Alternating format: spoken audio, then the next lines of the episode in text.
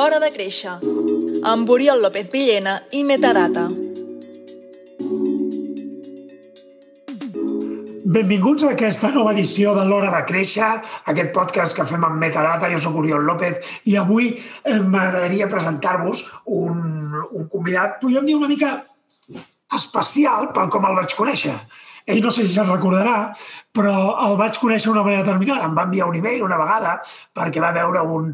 Va veure, estaven embolicant coses a l'oficina i eh, un article meu estava embolicant alguna cosa que ells estaven empaquetant. No sé si te'n recordaràs, però després ho Sí, me'n recordo, me'n recordo, sí.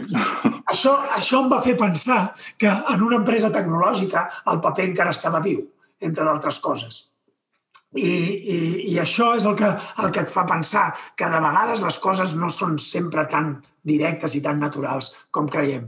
El nostre convidat d'avui, el meu convidat d'avui és el David Maia, que és soci fundador de Delsis, una consultoria tecnològica especialitzada en indústria alimentària i, a més, és ascensor en indústria 4.0, un terme que ja fa un temps que corre, però que, que potser de vegades no està ben entès.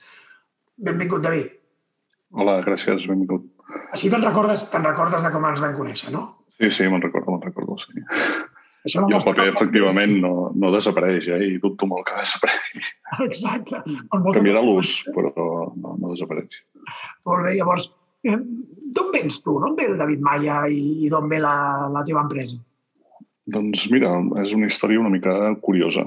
Uh, jo sempre he tingut l'inquietud a nivell personal de, de la informàtica, m'ha agradat sempre, però principalment enfocada a indústria. O sigui, m'agradava connectar màquines o pensar que algun dia seríem capaços de connectar màquines, connectar robots i interactuar amb la gent. No tant la informàtica com la coneixem a nivell d'administració, d'oficina, tal, sinó més enfocada a temes pràctics reals industrials. Llavors, eh, jo vaig estar estudiant la carrera i mentre estudiava la carrera, per motius familiars, havia de treballar i vaig començar a compaginar estudis en feina, allò que ens aixecava a les 6 del matí per anar a treballar fins a les 2, per agafar el cotxe a la universitat, acabar a les 10 de la nit, vam demà tornar-hi, i això em va començar a donar un bagatge de conèixer la vida real, el negoci real, la indústria privada, l'empresa privada, que és molt diferent eh, a el que eh, pot ser una, una carrera o una indústria pública. O sigui, ningú t'ensenya quan estudies la vida real i la vida real té dificultats i té incentius molt interessants que en el meu cas, a nivell personal, m'encanten. O sigui, és viure aquest estrès, aquesta exigència, aquesta innovació, m'agrada molt. Llavors vam començar d'aquí, a partir d'aquí vaig estar treballant en una empresa que oferia serveis de pesatge industrial, bàscules, i, tal, i allà em van donar l'oportunitat, la gran oportunitat de començar a interactuar amb la informàtica a planta. Però, esclar, estem parlant de fa 25 anys. En aquella època no hi havia ordenadors a dintre planta. Hi havia màquines, però no hi havia PCs. Llavors era una lluita per aconseguir convèncer les empreses que realment utilitzessin ordenadors a planta, perquè per ells no, això no tenia cap sentit. L'ordinador era un tema d'oficina per ells. Oficina completament, i, i alguns ja els hi constava integrar-ho a l'oficina, però la part administrativa ja, havia, ja estava consolidada fa 25 anys. Llavors, el que nosaltres aconseguíem era que els ordenadors vells d'oficina que havien de canviar, abans de llançar-los, ens els deixessin perquè a planta poguéssim fer coses. Però, esclar, fer coses vol dir dos, dos grans reptes. Una, quines coses havien de fer. Perquè, esclar, no hi havia solucions enfocades de software per, per planta. Llavors havíem d'inventar i crear solucions, demostrar que eren útils i convèncer els empresaris de que un ordenador vell que havia de llançar fes l'esforç, sisplau, de deixar-nos aquell ordenador i muntar-lo a planta perquè tindria una utilitat que faria que seria rentable eh, muntar aquell sistema. Per tant, era, tot era motivació, diguem, des del nostre punt de vista, eh, tot era interessant que havíem de descobrir, inventar com ho programàvem en màquines antigues, la qual cosa no disposàvem de CPUs potents ni res, i, i a més a més convèncer els operaris de planta de que deixessin el paper i utilitzessin l'ordenador i confiessin en l'ordenador. Llavors era una aventura. Realment era, era com l'exploració de la selva de fa 200 anys, doncs aplicada al món de la informàtica en indústria. I això provocava coses curioses. Havíem de, jo havia estat treballant dret amb una taula del mig d'una fàbrica per preparar un sistema de- d'impressió d'etiquetatge 21 hores seguides treballant de nits per demostrar que l'endemà poguessin treballar correctament i sortir aquell camió perquè si el camió no sortia eh, s'enfonsava la, la fàbrica, no pots parar la producció. Llavors, són ambients que només els fas quan ets jove, quan ets una miqueta ingenu i tens ganes de treballar i et fa il·lusió tot. I, i van tenir la sort de, de coincidir amb aquesta conjuntura. Llavors, eh, això va fer que els clients comencessin a veure que realment era útil, que el que estàvem inventant i creant tenia valor, que els hi donava una, una sèrie de funcionalitats que ells no coneixien i que a partir d'aquí, doncs, mica en mica, un client s'ho va anar dient a l'altre i això va anar portant a que els clients comencessin ja a informatitzar una miqueta més a planta. A partir d'aquí no para mai d'inventar, o sigui, permanentment estem descobrint, inventant coses. I això ha fet el que llavors, uns anys més tard, vaig deixar l'empresa de, de pesatge per crear la meva pròpia empresa perquè el, el, la dimensió ja s'escapava molt del que és un simple sistema de pesatge o d'etiquetatge i en aquests moments, que ja d'això ja fa 25 anys, s'ha creat una empresa en si mateix, una empresa que té delegacions a Girona, a Madrid, donem servei a nivell d'Espanya de, només, Molt bé. però ja estem preparant la internacionalització i és tot un canvi de model i jo crec que Delsi se'ns ha conegut per ser innovadors, per ser gent molt propera, gent molt a prop del client, que ens preocupa la seva feina i que no, no, tant, no ens ho mirem des d'una perspectiva d'informàtic, sinó des d'una perspectiva d'operari de planta. O sigui, nosaltres volem veure si jo fos un operari de planta, quins problemes tindria, què em costaria de fer i com la tecnologia em podria ajudar a que allò fos més fàcil, més eficient, més segur i més, més ric. No? i, i la, la inèrcia anar per aquí. Per això hem, sempre crec que se'ns coneix, se'ns identifica com que intentem oferir un molt bon servei amb solucions completament innovadores. O sigui, solucions que moltes vegades no existeixen al mercat o, o, o ens acaben agafant la idea i al cap de 3 o 4 anys empreses competència poden compensar a fer alguna cosa, però marquem, acostumem a marcar bastant tendència. És curiós, és curiós com, com a més, no, no has estat l'únic, no? En les converses que hem mantingut amb altres empresaris tecnològics, jo crec que no només tecnològics, eh?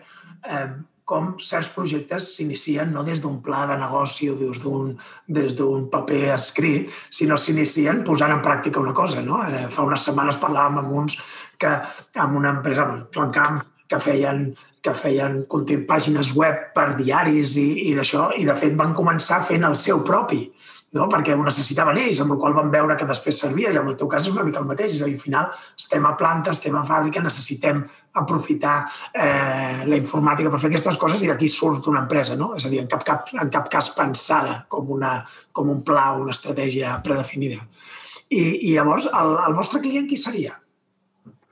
És indústria d'alimentació, fabricants d'indústria d'alimentació, des de fabricants d'embotits, de, de pernils, sales de desfer, mataderos, eh, però també fabricants de cuines, plats cuinats, quart i quinta gamma, cuines centrals, tenim software que fa cuina per hospitals, per exemple, i també hem creat solucions mm, bastant pioneres en aquest món, que és nosaltres a través del software de l'hospital rebem els pacients i quines dietes tenen assignades, i nosaltres som capaços, a través dels ingredients dels plats que han cuinat a la cuina, saber quin és compatible amb la dieta de cada pacient per garantir la seguretat alimentària d'aquest ah, pacient. Per temes, de, per temes d'al·lèrgies i temes Exacte, de... sí, sí. O sigui, és tot un àmbit, eh, ens hem eh, hiperespecialitzat en alimentació. El nostre software no és vàlid per altre. Podria ser vàlid, però no encaixaria tan bé amb altres sectors. I la decisió va ser especialitzar-nos en alimentació. I dintre l'alimentació toquem totes les branques possibles. Llavors, això ha fet també que les solucions són, són àmplies i, i permetem que els nostres clients creixin. Hi ha molts clients que van començar, també el seu model de negoci ha canviat, van començar fent embotit, però llavors van passar al món del plat cuinat i, i, i fan embotit, però també fan hamburguesa crua. O sigui, també s'adapten, no? ara fan pizzas. Val? O sigui, tots els clients també evolucionen. Llavors, al estar especialitzats en alimentació, els podem acompanyar no? I, I es client... el procés, des del, des del que produeix, podríem dir, uh, alguna cosa fins que el que va especialitzant la seva, el seu vessant i fins tot el que Sí, sí, sí. I, I tenim clients que són proveïdors d'altres clients nostres, no? perquè, és clar, una, com que tenim tota la cadena d'alimentació, doncs, des d'empreses que són proveïdores sales de desfer que proveeixen carn a fabricants d'embotit, Aquests fan salsitxes que venen a fabricants de plats cuinats no? i tots són empreses nostres fins a empreses molt grans que s'han anat verticalitzant de manera que tenen tot el circuit sencer. Sí, perquè també és vàlid. que ha passat molt això, de fet. Sí, sí, sí. sí. Sí, és un sector que passant- veus empreses eh, concretes. Hi ha empreses fins i tot que, que arriben a tenir restaurants, no? O sigui, empreses eh, que, que comencen com a, com, a, com a indústria alimentària no? i acaben fins i tot en el retail, no? en el que és un restaurant. Sí, sí, correcte.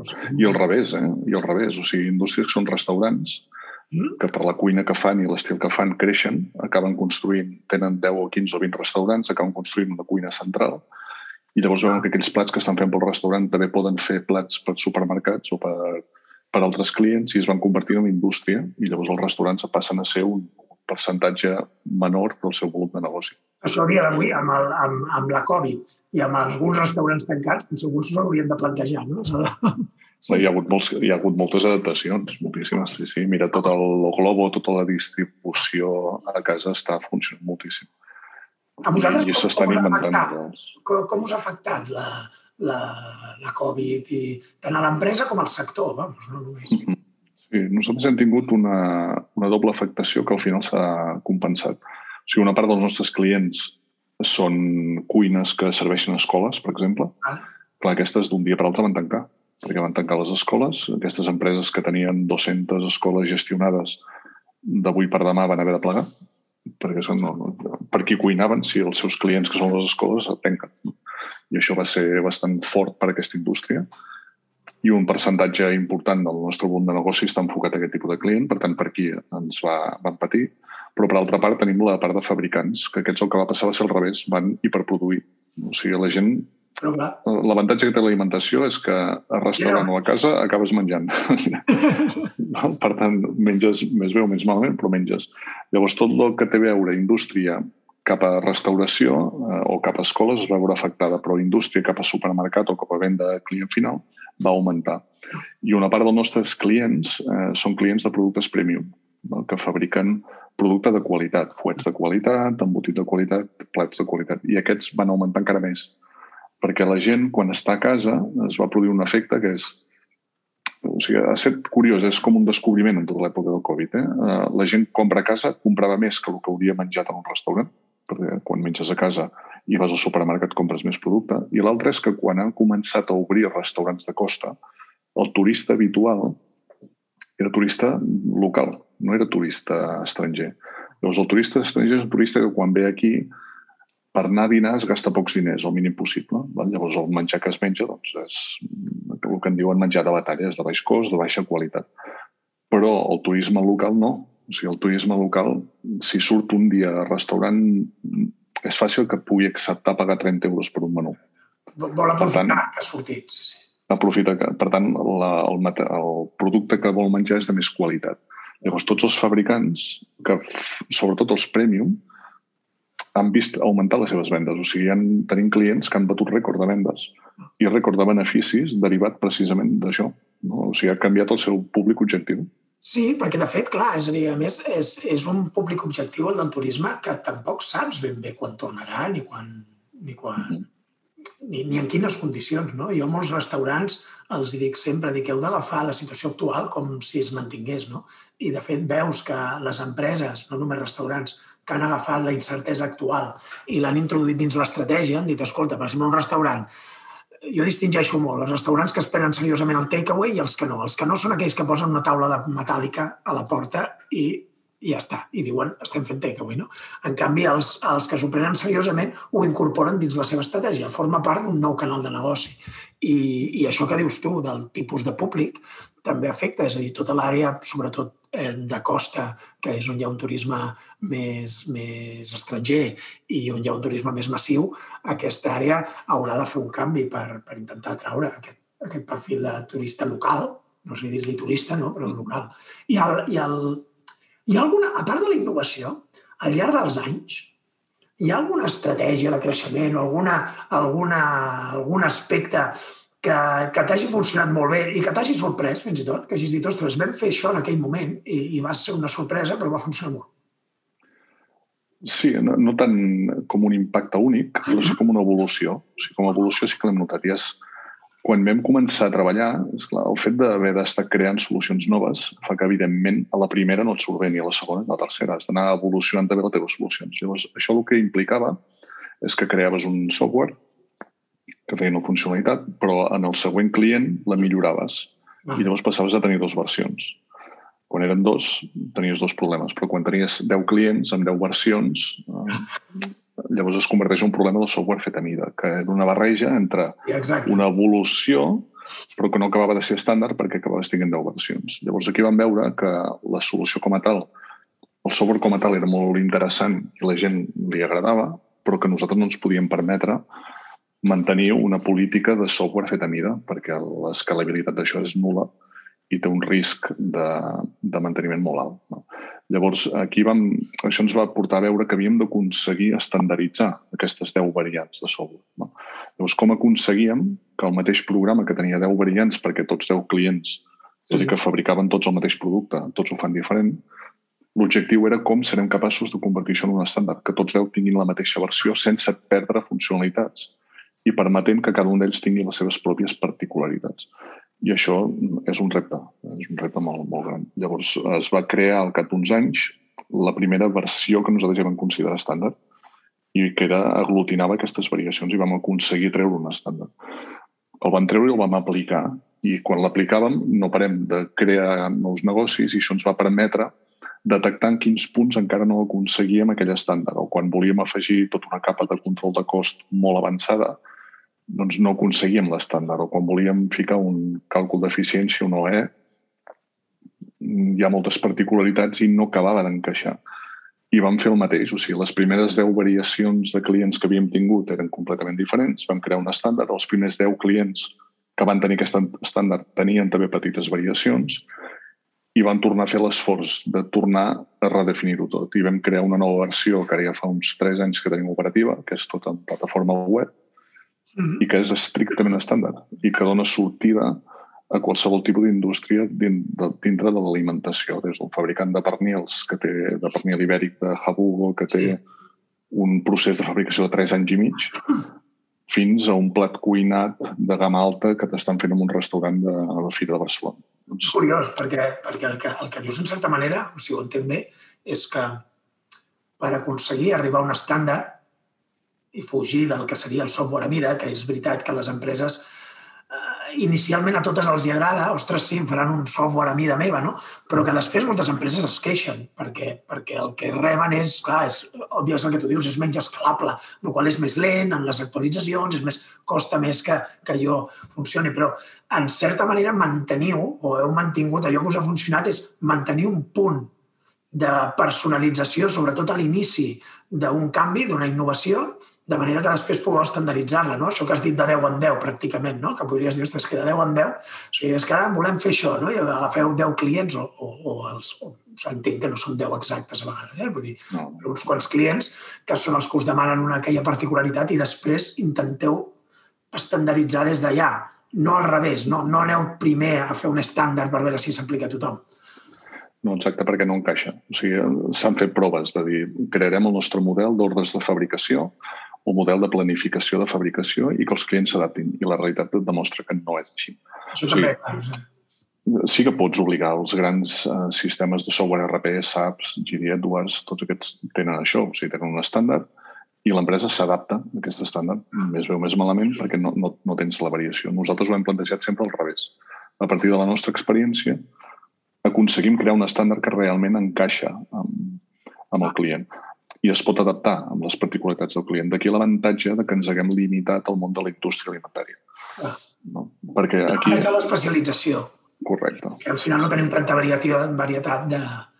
No, perquè tots, tots fabriquen diferent, però tenen coses que tenen certes similituds que hem set capaços d'estandarditzar. Si ara anéssim, que el nostre software es volgués muntar l'indústria metal·lúrgica, doncs algun mòdul encaixaria, però el global no perquè té conceptes suficientment diferents com perquè no encaixés perfectament. Llavors nosaltres no volem crear un software generalista perquè al final no encaixa bé ningú. Fa una miqueta de tot però no fa res bé i hem fet al revés. No? Fem menys coses però les que fem les fem molt bé. I això ens ha permès marcar diferència i tenir un reconeixement dintre d'aquesta indústria que altres empreses no, no tenen. I com veus la indústria? La indústria alimentària al nostre país i després també el, aquest concepte que ja fa anys que circula, eh, de la indústria 4.0. Com veus la indústria? Veus que la indústria, eh, podríem dir, del, del país està adaptada, està treballant en això? O encara ens falta? O veus llocs on encara estan més avançats?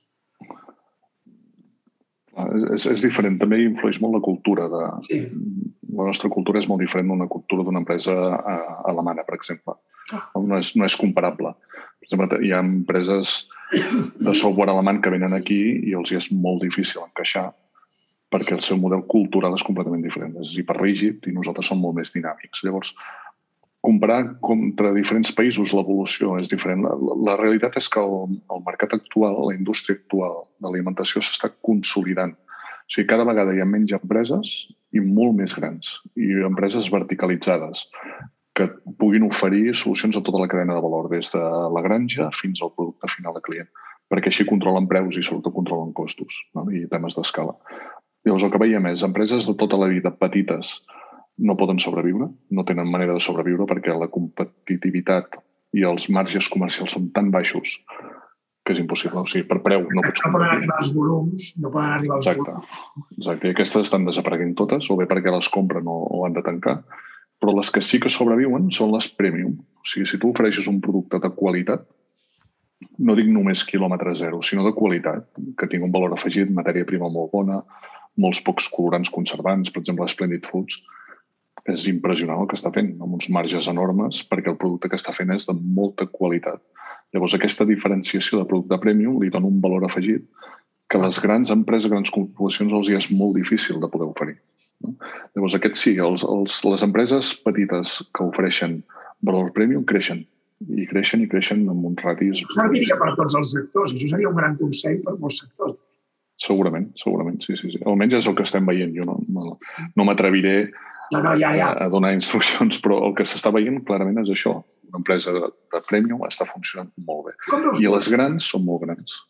I com veus tu la, la... Com entens tu això de la indústria 4.0? És a dir, jo el que, el que he anat veient amb els... Tu que més ets expert en això, no? Llavors, el que he anat veient és aquella diferència, no? Que es diu doncs, que a finals del segle XVIII, no? 1780 i pico, no me'n recordo, eh, es produeix el que és la mecanització no? de processos i la màquina de vapor i tot plegat. Després, a finals del segle XIX, eh, diria, és l'electrificació i comença a fer camenes de muntatge i després apareix Ford i aquestes coses. No?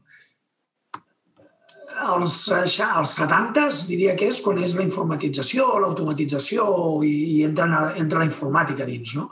I ara es parla de 4.0, però jo, quan parlen de 4.0 i parlen de digitalització, eh, per un que no en sap, un ignorant tecnològic com jo, d'acord? No, és, no és bastant semblant? Com es diferencia el que és l'automatització i l'entrada de noves tecnologies amb el que és la digitalització i la intel·ligència artificial i tot plegat? Quina és la diferència?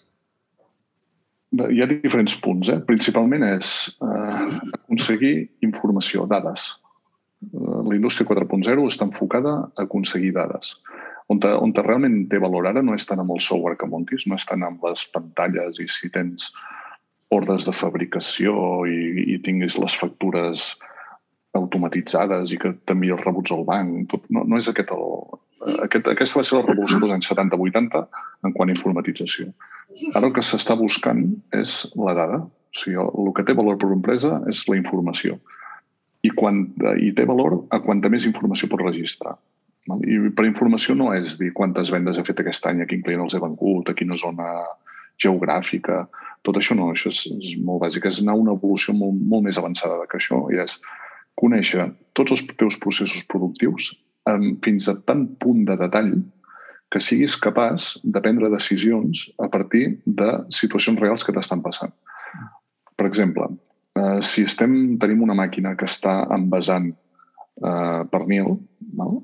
Doncs nosaltres volem saber eh, quants sobres de pernil estem fabricant cada dia, amb quina qualitat s'estan fent, quanta gent hi està treballant, amb quina cadència, cada quants segons traiem un sobre.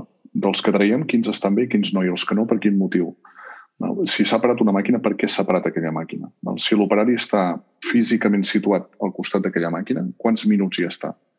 I durant aquests minuts, quants sobres fa? Si se'n va, si camina molt, si, si tu pots monitoritzar el seu recorregut i veus que durant el dia acaba fent 3 quilòmetres, com els jugadors de futbol, que sí. sabeu que van correguent, tu pots arribar a deduir que si camina tant és perquè hi ha una ineficiència. No? És perquè ell ha hagut d'anar a buscar un producte que si hagués tingut en el seu lloc, la màquina, en comptes d'estar parada 15 minuts, hauria estat parada 2 minuts. No? I hauries aconseguit més producció amb la mateixa màquina. I amb això redueixes costos. No? Llavors, clar, aquesta informació que ara és desconeguda, que està passant en realitat però que no la pots arribar a dimensionar, no la pots objectivar, amb Indústria 4.0 el que fa és eh, afegir sensors o afegir tecnologia que et permeti registrar aquesta informació. No? Llavors, aquests sensors et permeten saber si el teu operari està en aquell lloc, quants minuts, quanta estona, on t'ha anat, quins productes has fet, si la màquina ha parat o no. Llavors, això el que provoca és que registra quantitats enormes de dades, enormes, fins al punt de que una persona és impossible que les pugui analitzar. Llavors, eh, la, la combinació és afegir moltíssima sensòrica per aconseguir informació, però ja sabem d'entrada que aquesta informació no hi haurà cap persona que a nivell eh, humà sigui capaç d'extreure informació d'aquest volum de dades. Llavors aquí és on intervenen altres tecnologies, també d'indústria 4.0 o, o d'anàlisi, que són intel·ligència artificial, que és Big Data, que el que fan són eh, processos massius que et diuen d'aquest univers enorme d'informació, que per mi a nivell personal no té cap mena de sentit, intenta tu trobar pautes que ens permetin extreure conclusions. I aquests algoritmes d'intel·ligència artificial permeten fer això. I això permeten... ho com una, com una, com normalment es cataloga com una quarta revolució industrial o, o creus que és una evolució de la tercera? No, no, jo per mi és una quarta. O sigui, tinc la sensació de que la tercera, la quarta i la cinquena s'han enganxat. O sigui, quan hi va haver la primera revolució industrial, doncs va afectar a una, dos o tres generacions, hi va haver un canvi molt profund. És, és el que he pensat, perquè dic, mira, si, si, si és finals del segle XVIII, finals del segle XIX, finals del segle XX, les tres primeres. No? I ara resulta que tens una quarta que, que succeeix, a, podríem dir, primers del segle XXI. No? I, i, I això és una sensació meva, però jo crec que estem visquent una revolució industrial en menys d'una generació, dintre una mateixa generació, i ens costa molt entendre-la. O sigui, són canvis que es produeixen tan de pressa que, per exemple, fa 20 anys no existien els mòbils. No? no sí, els, nens, els, nens, els nens es queden al·lucinats quan els expliques, escolta, jo no. Exacte. I nosaltres mateixos, de petits, no teníem mòbil, com que no tenim, nosaltres mateixos no teníem mòbil, no ho sabem entendre. No? Doncs s'estan produint tota una sèrie de canvis equivalents a una revolució industrial dintre la mateixa d'una única generació. I ens costarà molt assimilar això. És molt difícil. Perquè ara mateix, tecnològicament, si volguessin, els cotxes ja, ja, ja conduirien sols. No cal que ningú condueixi cotxes, però això provoca que un milió de taxistes es queden sense feina.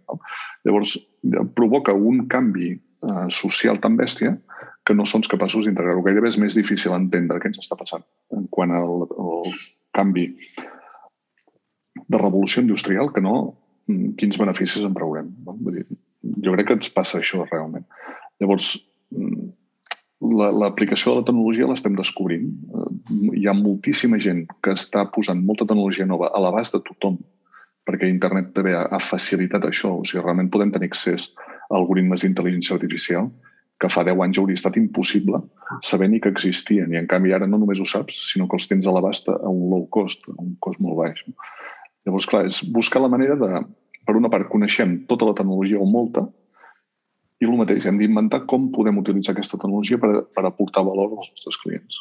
No? Doncs, segueix sent un repte. Un repte. El que passa que aquest és un repte a una escala nova, a una escala completament transformadora. I les empreses ho han de fer perquè és l'única manera de ser competitius. Les empreses que ja ho estan fent tenen un nivell de competitivitat que és inabastable per la resta. De fet, quan, Llavors, parlaves, quan parlaves de, perdona, quan parlaves de, d'això de, del magatzem no? i el temps que triguen. Això. Jo recordo fa molts anys que, que quan un client em demanava eh, ostres, és que pues, o em demanava no, o vèiem que trigava molt a cobrar, a vegades dèiem no, no, trigues a cobrar, però el problema no és el temps que trigues a cobrar, el problema és el temps que trigues a fabricar, no? Això és el, el, aquest, el diagnòstic inicial era fàcil, perquè deies, bueno, aquí hi ha un problema des del moment en què reps la mercaderia fins al moment en què com, fins al moment en què la mercaderia surt el complicat era veure què passava dins perquè sí que podies identificar, jo recordo que, que fèiem uns mapes de procés, no? i dèiem, bueno, arriba la mercaderia aquí, fas no sé quants metres per arribar-hi, no sé... Però clar, és el que tu has dit, a analitzar això, recordo que era molt complicat no per res, sinó perquè podies analitzar-ho una vegada. Però aquella situació es repetia centenars o milers de vegades al llarg d'un dia. Amb la qual no podies arribar a creure't només una vegada que tu ho havies mesurat.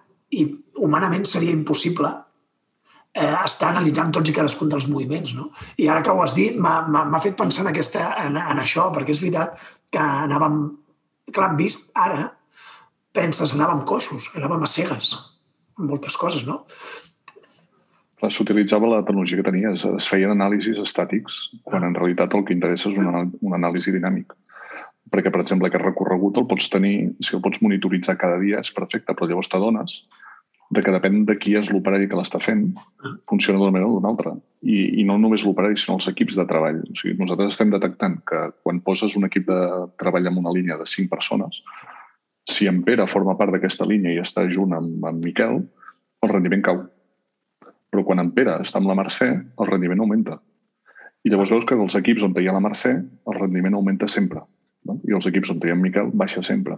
I això ho pots veure d'una forma gràfica només capturant aquesta informació. Els operaris no són conscients de que els estem registrant o que estem capturant informació o que estem arribant a conclusions que els afecten, que mostren la seva, la seva dedicació al seu tipus de treball, però els ordenadors ho saben, el software ho sap. Pots anar a buscar la I, i es veu. Clar, de fet, pots anar a buscar la causa. Hi ha una sèrie sobre advocats que es diu Suits, no sé si l'has vista, però bueno, te la recomano, és una bona sèrie i, i hi ha un moment en què estan avaluant els becaris. I, I llavors hi ha un becari que té uns resultats terribles comparat amb els altres, d'acord? I llavors diuen, aquest l'hem d'acomiadar. El fet és que hi ha algú que de sobte, no me recordo qui, que de sobte diu, escolta, si us hi fixeu, la gent que té millors resultats és la gent que està al seu voltant. De tot, la, de, de tot el despatx, la gent que comparteix taula sigui, que està al costat d'ell és la gent que té millors resultats de tot el despatx. Per tant, fins i tot pots arribar a un punt així, eh? Prendries una mala decisió si el fessis fora, perquè tot i tenir mals resultats fa que els altres en tinguin de bons. Sí. Mira, tinc un exemple. La fa tres setmanes, un fabricant de pizzas té dues línies de fabricació i, i el, el que ens va dir, el torn de la tarda i el torn de la nit funciona pitjor que el del matí. Bueno, hauríem de saber per què. Vam començar a analitzar la informació perquè controlem les línies i quan comencem a analitzar veiem que objectivament no és així. En realitat, qui treballa més bé és el torn de nit i no tant el segon, el de tarda, i el que treballa pitjor és el de matins. Quan, a simple vista, quan voltaves per la planta, et donava la sensació que no. Però registrant les dades veus que sí. I comencem a investigar i va resultar ser que el torn de tarda treballava més bé i el de nit també, perquè al matí el propietari de l'empresa cada dia anava caminant, va donar la volta, pregunta un, pregunta l'altre, interromp, provoca canvis de feines i provoca una baixada de rendiment. Llavors ell tenia la sensació, el gerent tenia la sensació de que al matí treballaven més bé perquè ell ho mirava, però en realitat ell mateix era el que estava provocant ineficiències a la línia i no n'era conscient. I amb, gràcies al software ho ha vist. I ara el que ha fet es porta un parell de setmanes on no intervé tant i els números, evidentment, estan millorant. Sí, sí. és, és antiintuitiu, eh? Però, sí, sí. La màquina ha fet fora el jefe, no? Ahí. Exacte. El jefe s'ha fet fora ell mateix sense saber-ho. Sí, sí. Exacte.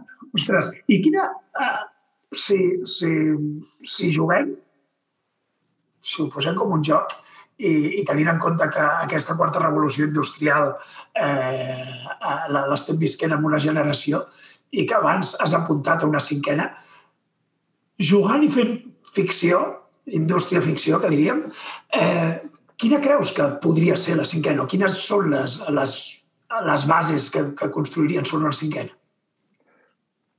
Uh, aquí és, hi ha molt, no diria ciència-ficció, sinó especulació pura i dura, perquè sí, sí. realment la ja. tecnologia que nosaltres coneixem com a ciència-ficció, molta ja la tenim a l'abast, i això també ens descol·loca.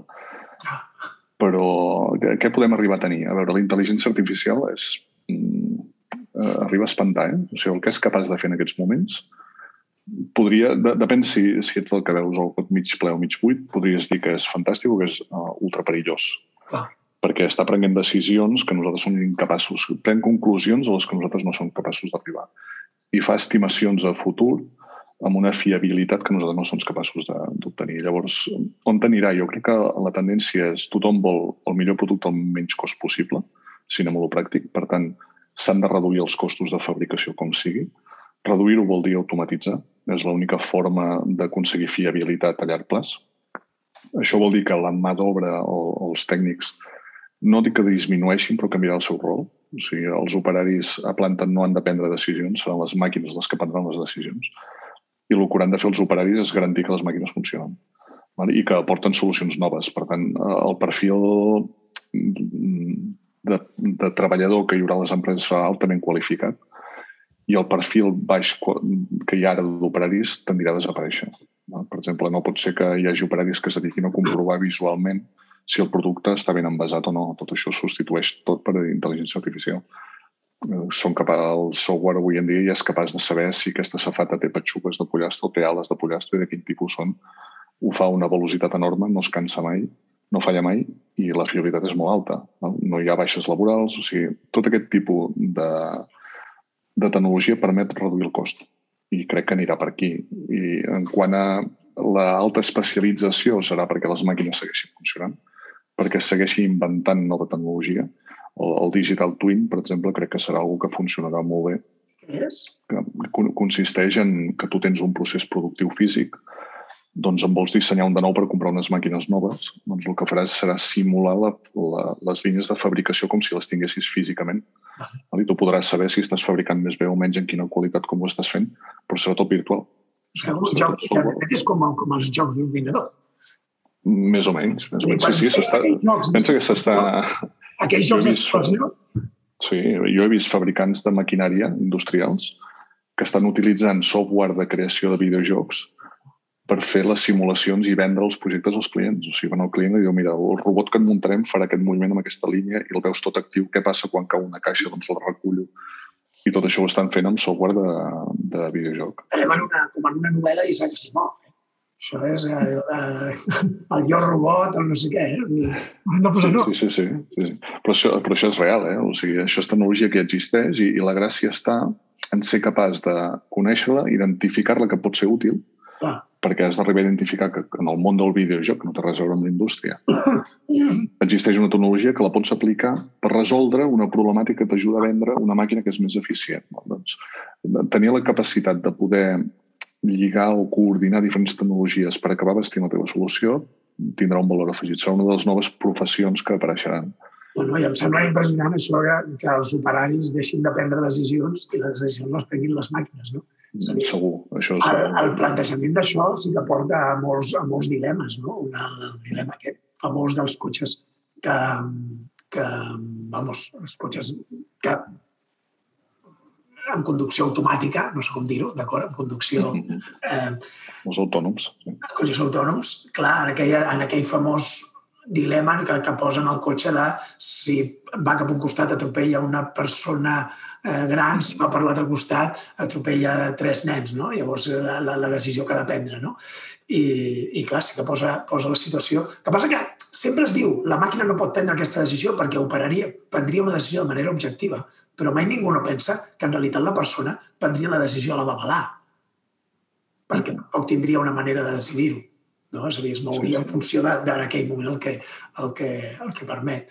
El qual suposa que... Molt risc de que els acabés atropellant a tots, a nens i a... Ah, sí, exacte. Vull dir que, que la bona decisió tampoc la prendria la persona. Molt bé, i, i ja per acabar, el... en què esteu treballant vosaltres? Quina seria la prioritat pels vostres propers eh, mesos o, ja no dic anys, perquè amb la situació en la que estem, planificar anys vista eh, és dir molt. Però quina és la prioritat en la que esteu ara mateix treballant? Vosaltres? Nosaltres, eh, a nivell de software, hem aconseguit l'estàndard. O sigui, amb la versió actual ja per nosaltres cobreix tots els requeriments dels clients. Per tant, tot el que és capturar dades ho tenim bé consolidat i hem apostat molt fort per l'anàlisi avançat de dades. O sigui, ara és quan estem aplicant eh, anàlisis de business intelligence, arti uh, intel·ligència artificial, ens comencem a, a moure cap a buscar l'expertesa en aquest sector perquè realment és on portem valor diferencial. O sigui, a través del nostre software capturem quantitats ingents d'informació, doncs ja que la que tenim, ara li comencem a treure coneixement. I aquí és on ens està aportant molt valor i és un, una branca del nostre negoci que està creixent a una velocitat enorme perquè realment demostra, si una empresa la setmana passada vam demostrar un client que havia comprat una màquina nova, ell creia que la comprava perquè és que estic segur que estic augmentant productivitat, però davant de gerència no puc, davant de la propietat no puc demostrar. Doncs li vam preparar l'informe i vam comprovar que efectivament havia augmentat un 45% la productivitat en dades objectives, o sigui, en un període de temps, i per tant amortitzava la màquina en 7 mesos. Els assessors, com jo, impensable. els assessors com jo agrairem aquest tipus de coses. És a dir, el vostre, la, la informació com la vostra, de vegades a les empreses eh, costa molt obtenir-la i, i és la manera que puguin prendre decisions. Sí, sí, i, no és, i moltes, el que estem veient és que les empreses creuen que obtenir aquesta informació és fer un llistat més o menys complexa, que permeti preguntar quatre coses i ara vull saber per article, ara per màquina, ara per... En realitat no és això, o sigui, no és mostrar la informació que ja tens, sinó és estudiar la informació que has capturat i ser capaç de treure conclusions d'aquella informació. És molt més avant, és un pas endavant de definir business intelligence a temps real, correcte, i a més monitoritzar. Perquè quan tothom té l'idea de que el business intelligence és una mena de OLAP que et permet fer consultes molt divertides, molt, que amb la rata vas movent i tens, et respon preguntes d'aquest producte l'he vengut a una zona amb aquest transportista això és, una, això és un estudi de dades, és una anàlisi de dades, però és molt bàsic. No? És tenir llistats molt xulos, però d'una forma fase. Uh, nosaltres anem un pas endavant. Creiem que la següent evolució és estudiar la teva informació. O sigui, aprendre com estàs treballant i aprendre què estàs fent. I això no ho veus amb un llistat. Això ho veus ah, estudiant no amb patrons no estadístics. Clar, no és un quadre de comandament, jo que et diria. No. No, que és... no, no, no, no, no, no. Això és matemàtica, matemàtica pura. O sigui, és agafar estadística, matemàtica, el deep learning, intel·ligència artificial, compartida de models, volums massius de dades, i a partir d'aquí que la màquina anar-la eh, dirigint perquè la màquina, els resultats que va obtinguent siguin els que tu estàs perseguint. I dir-li, no, no em busquis per aquesta banda, busca per aquella altra barreja aquesta altra informació. Quan dius els, en, en temps real és perquè les millores, no? jo recordo un, un amic meu que va fer en el seu moment un, un, software, anava a dir, no sé, mai sé quina paraula utilitzar, eh? programa, software, a vegades pot quedar, i que es dedicava a això que fan a les webs de tenir testos A, B, no? que suposo que en el món de la indústria també deu passar, és a dir, anem a provar dues coses, anem a veure quins resultats o els podries fer amb les dades que ara mateix treballeu, no? que és anem a provar aquesta màquina, li posarem això i aquesta màquina la deixarem com està i anem a veure quin resultat donen. No? I el fet de que si una ja dona millor resultat fent alguna cosa, doncs directament l'estudi es pot seguir, però mentre segueix l'estudi fem que l'altre també faci algunes d'aquestes coses que beneficien, perquè d'aquesta manera vagis millorant. Però tot això, amb un ús massiu de dades com el que, com el que comentes, eh, és factible, el qual pots prendre decisions no més vista com, com algunes empreses prenen, sinó a, a segons vista, pràcticament. Clar, I, per exemple, podem aconsellar als clients quan tenen màquines que van a una velocitat. La velocitat és variable, poden anar una mica més ràpid, una mica més a poc a poc. I a vegades la tentació és dir anem més ràpid, que així fabricarem més. No? Doncs nosaltres, a temps real, a, a través d'intel·ligència artificial, els estem dient quina és la velocitat òptima d'aquesta màquina. O sigui, ah, si pots anar... De... Sí, sí, inclús atacant el mateix coll d'ampolla, tu pots anar a la carretera a 85 per hora, a 90, 100, 120 o 130. Ah doncs et diem, avui vés a 97. Perquè si vas a 97, sí que vas a menys de 120, però t'hauràs de parar menys, hauràs de frenar menys, no tindràs tants acordeons. Per tant, arribaràs més bé que si anessis a 114. I demà et direm, vés a 108, perquè la conjuntura actual d'avui, tot el que t'està envoltant, la subministra de, de matèria prima, la, el número d'incidències que hi ha, els operaris que tens treballant, et permeten anar a 108. No? I llavors aplicar canvis i mirem si aquest canvi et permet anar més de pressa o més a poc a poc.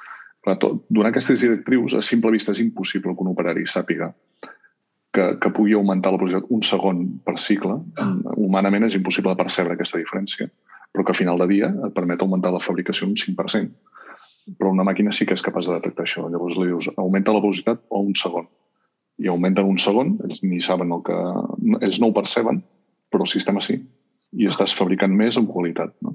O li dius, rebaixa, baixa dos segons oh, és que iré més lent, però al final dia hauràs produït més amb més qualitat. Doncs això és monitoratge a temps real i això és analitzar i treure coneixement de, de la, de la meva Sí, sí, correcte.